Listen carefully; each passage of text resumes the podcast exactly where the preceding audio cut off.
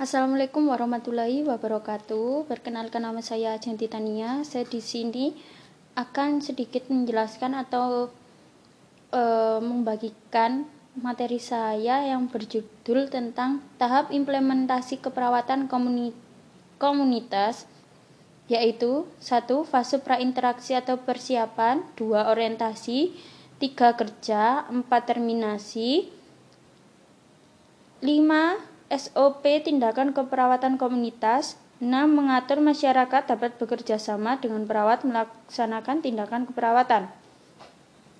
Yang pertama yaitu fase prainteraksi atau persiapan, merupakan fase persiapan sebelum berhubungan dan berkomunikasi dengan klien. Dalam tahap ini, perawat menggali perasaan dan menuit dirinya men, men, men mengidentifikasikan kelebihan dan kekurangannya.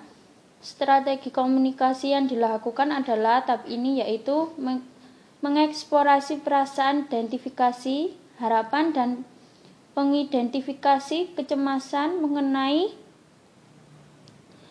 menganalisis kekuatan dan kelemahan diri dan mengumpulkan data dan informasi tentang klien atau keluarga dekat.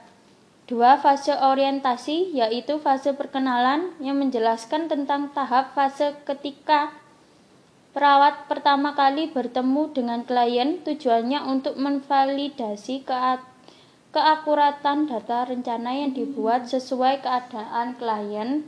Saat itu, strategi yang dapat dilakukan adalah satu, membina saling percaya diri, dua, merumuskan kontrak di waktu tepat tindakan yang akan dilakukan perawat. 3. Mengeksplorasi pikiran, perasaan, dan perbuatan dan mengidentifikasi masalah klien menggunakan pertanyaan. Yang terakhir, berumusan interaksi dengan klien. Yang ketiga yaitu fase kerja, merupakan inti dari keseluruhan komunikasi terapeutik. Inti dari hubungan perawat dan klien erat dengan perencanaan tindakan, keperawatan yang akan dilakukan sesuai dengan tujuan. Tugas perawat saat ini yaitu satu mengeksplorasi stresor pada klien, dua perawat perlu mendorong kesadaran diri klien men, men, penolakan adaptif.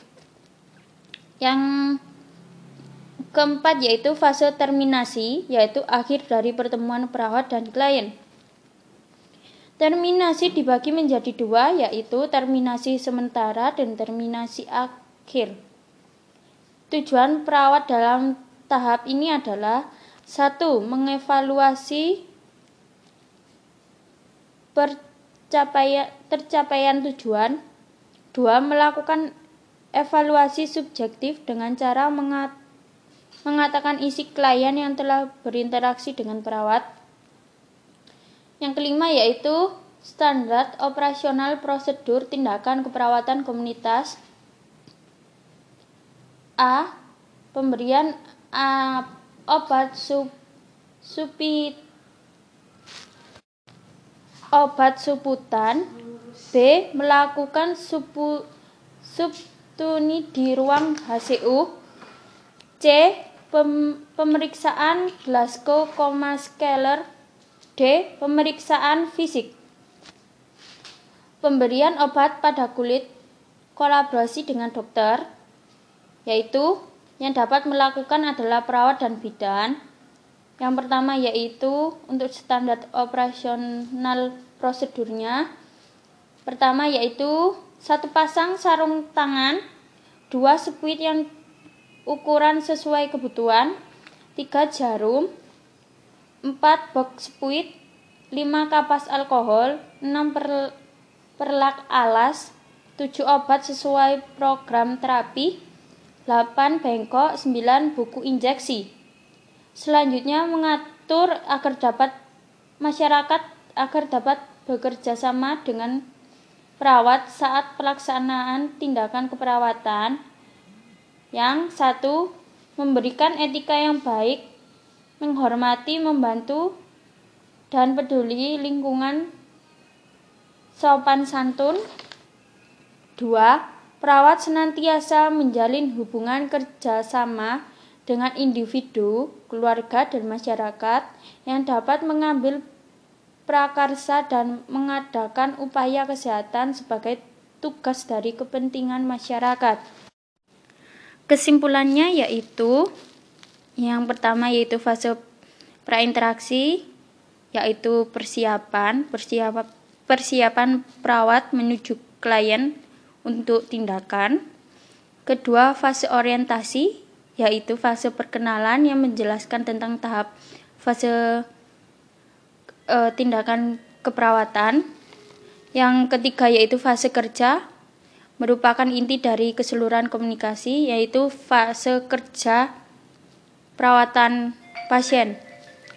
Empat, fase terminasi, yaitu akhir dari per, pertemuan perawat dan klien, apakah tujuan tercapai atau belum. 5 yaitu standar operasional prosedur tindakan yaitu meliputi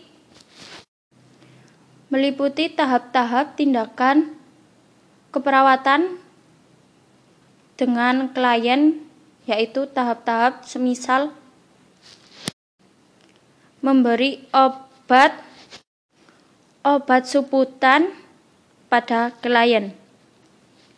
Baik, terima kasih uh, sudah mendengarkan podcast saya hari ini. Semoga bermanfaat. Assalamualaikum warahmatullahi wabarakatuh.